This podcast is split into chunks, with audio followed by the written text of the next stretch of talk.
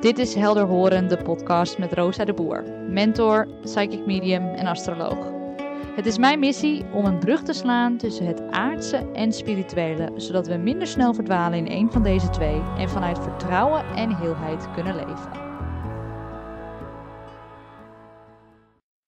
Laatst kwam ik via Instagram een grappig plaatje tegen. Een vrouw tegen over een waarzegster. En die vrouw die zegt: hey, was ik dan echt geen Egyptische prinses in een vorig leven?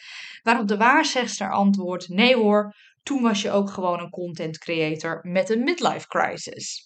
Nou, ik kan hier dus best wel smakelijk om lachen. En ik zie in de spirituele gemeenschappen en ook online veel mensen over hun vorige levens en herinneringen praten. Of ze die nou zelf hebben herinnerd, of dat iemand waar ze een reading bij hebben gedaan hen heeft verteld dat ze een Egyptische priesteres waren. Er wordt nogal wat over gedeeld.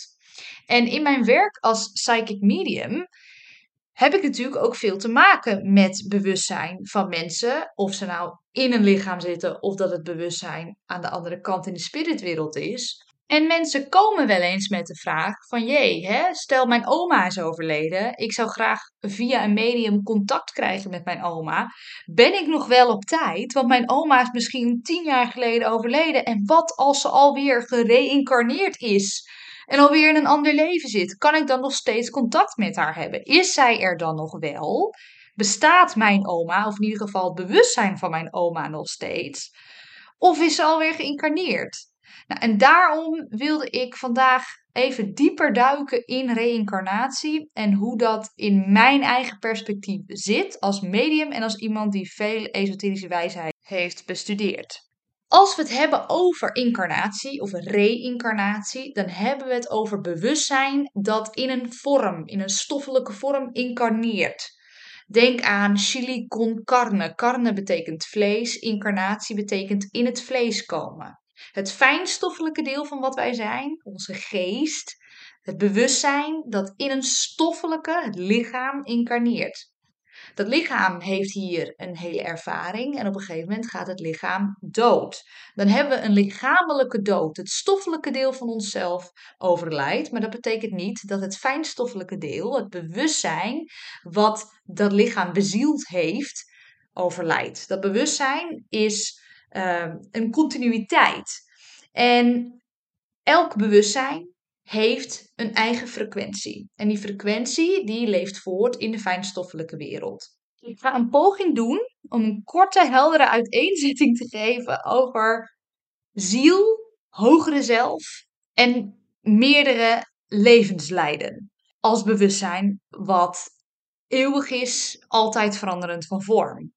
Ik probeer het in een Jip taal te doen. Ik probeer het in een korte podcast te doen. Ik ben me ervan bewust dat ik niet in staat ben om de volledigheid hiervan uh, ja, over te brengen. In uh, ja, deze korte, krachtige uiteenzetting. Maar het is wel iets van context. Uh, wat belangrijk is om in je achterhoofd te houden als je nadenkt over diepere paradoxale onderwerpen als deze als we ervan uitgaan dat alles alles is, dat alles één is, maar dat dat alles zich uitdrukt in verscheidenheid, in verschillendheden, dan hebben we het over universeel bewustzijn dat zichzelf leert kennen in de verschillende vormen dat het aanneemt.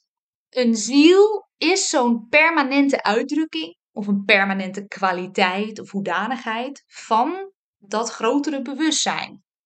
En ziel evolueert en groeit door zich uit te drukken in een hogere zelf. Ons hogere zelf incarneert in een stoffelijk lichaam, incarneert in een menselijke zelf. De menselijke zelf doet hier allerlei ervaringen op en die informatie blijft bestaan in het bewustzijn op het moment dat de menselijke zelf overlijdt. Ons hogere zelf, die verbonden is aan onze ziel, vertakt zich als het ware in verschillende stukjes bewustzijn die allemaal verschillende levens leiden. Eén keer als Rosa, één keer misschien wel als Egyptische priesteres, één keer misschien als een man en ga zo maar door. Op het moment dat opa Piet een menselijk leven heeft gehad en een stoffelijke dood heeft, dan leeft het bewustzijn van opa Piet voort. De frequentie van de persoonlijkheid van opa Piet bestaat nog steeds in de hogere zelf.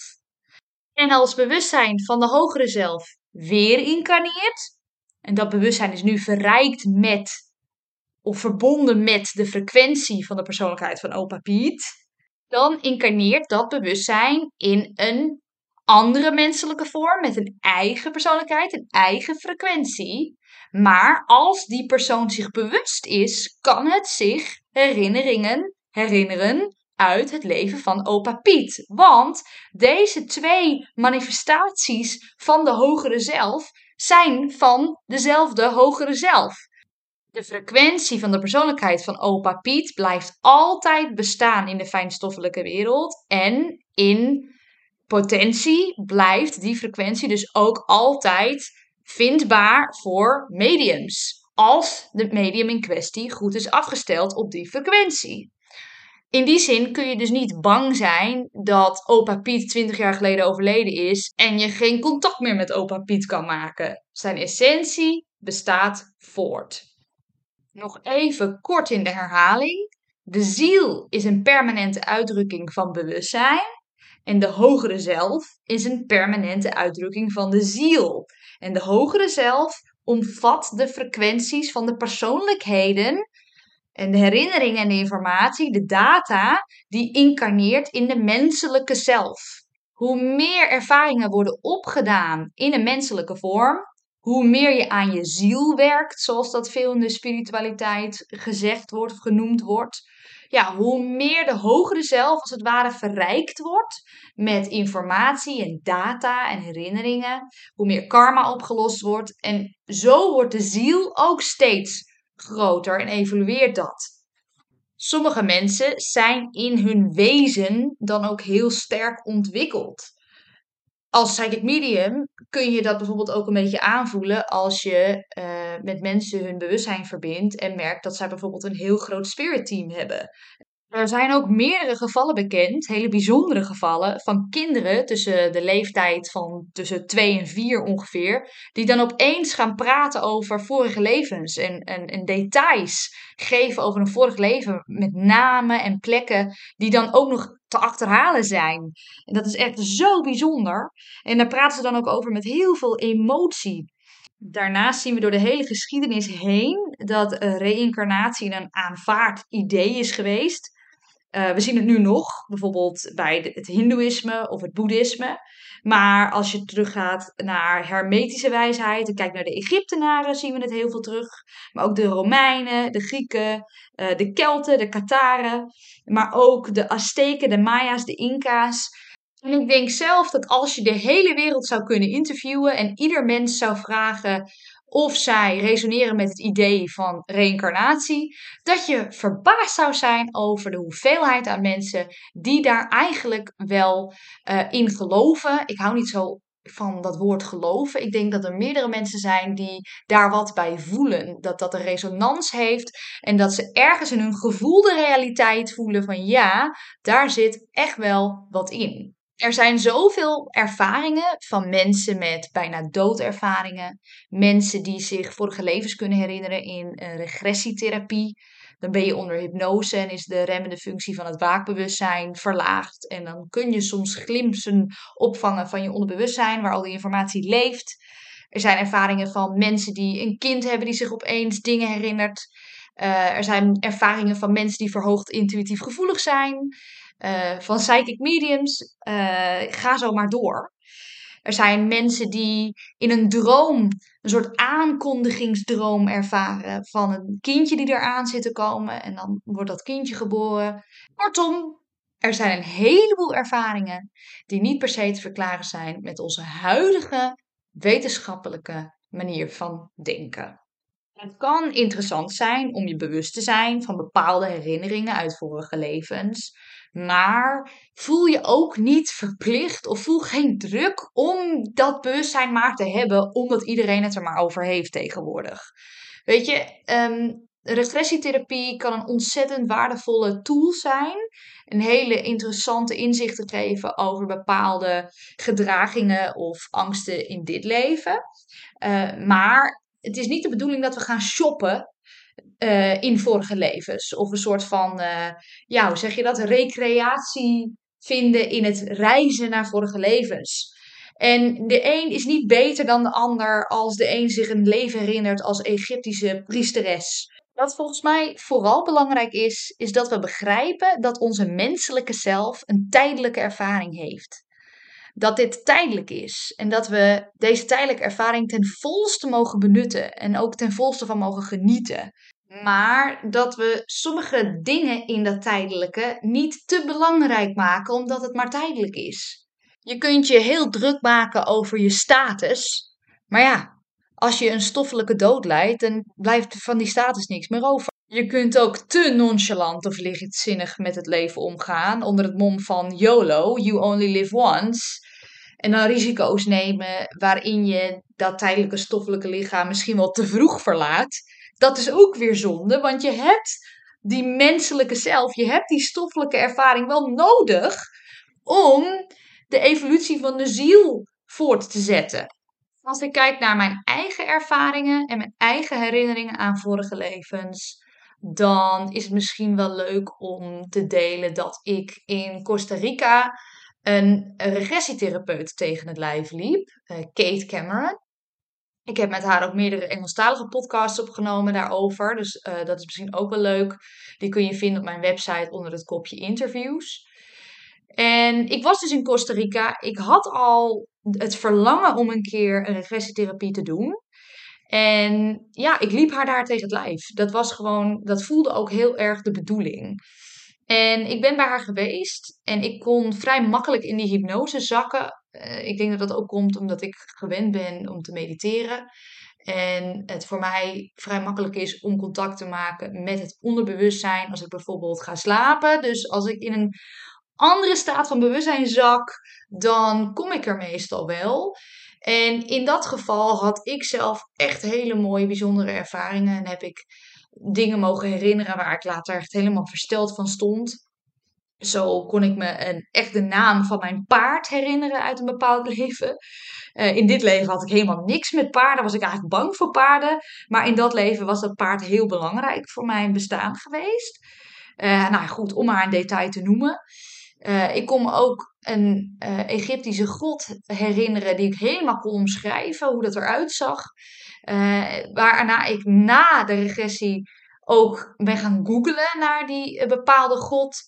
Um, en eigenlijk kwam ik er zo achter dat hermetische wijsheid, want dat was de god Tot, oftewel Hermes Trismegistus, of in Romeinse tradities Mercurius.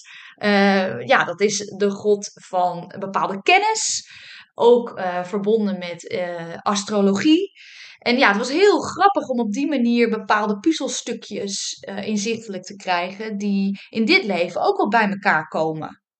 Dat betekent overigens niet dat ik die god geweest ben of zo, maar dat die hermetiek toch wel onderdeel is geweest van de reis die mijn bewustzijn aan het afleggen is. En op dit moment is het ook onderdeel van die reis.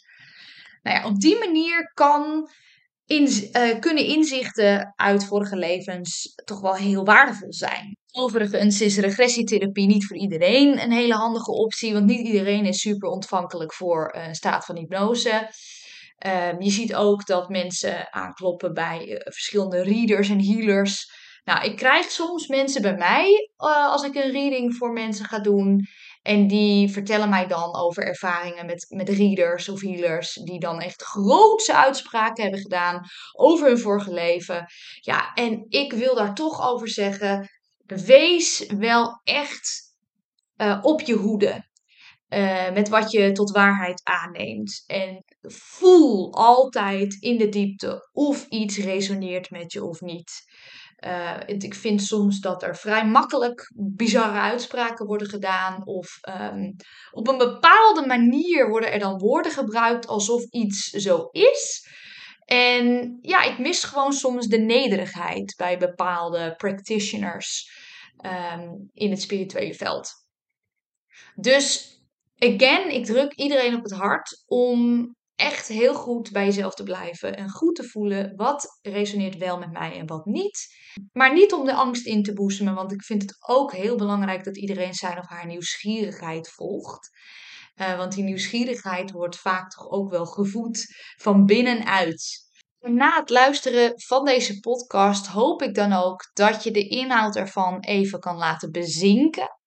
Dat je niet gelijk in je hoofd meteen snapt hoe het zit of een bepaald idee hebt erover. Laat het gewoon even op je inwerken. Mocht je nou nieuwsgierigheid voelen en meer inzicht willen in die zielsreis, in de reis van jouw bewustzijn in dit leven, dat je er ook in dit leven ook echt iets aan hebt, ja, dan ben je welkom om een soul reading bij mij te boeken. Mocht je voelen dat ik de juiste persoon daarvoor ben, na het luisteren van deze podcast of andere podcasts. En daarvoor kun je terecht op mijn website www.rosadeboer.com. Ik dank je heel hartelijk voor het luisteren en zie je graag in de volgende aflevering. Vanuit de diepte van mijn hart, dank je wel voor jouw tijd en nieuwsgierigheid. Ken je iemand die deze aflevering echt zou moeten horen? Ik zou het te gek vinden als je een momentje neemt om deze aflevering te delen. Meer weten over mijn werk? Kijk dan op www.rosadeboer.com. Tot de volgende keer.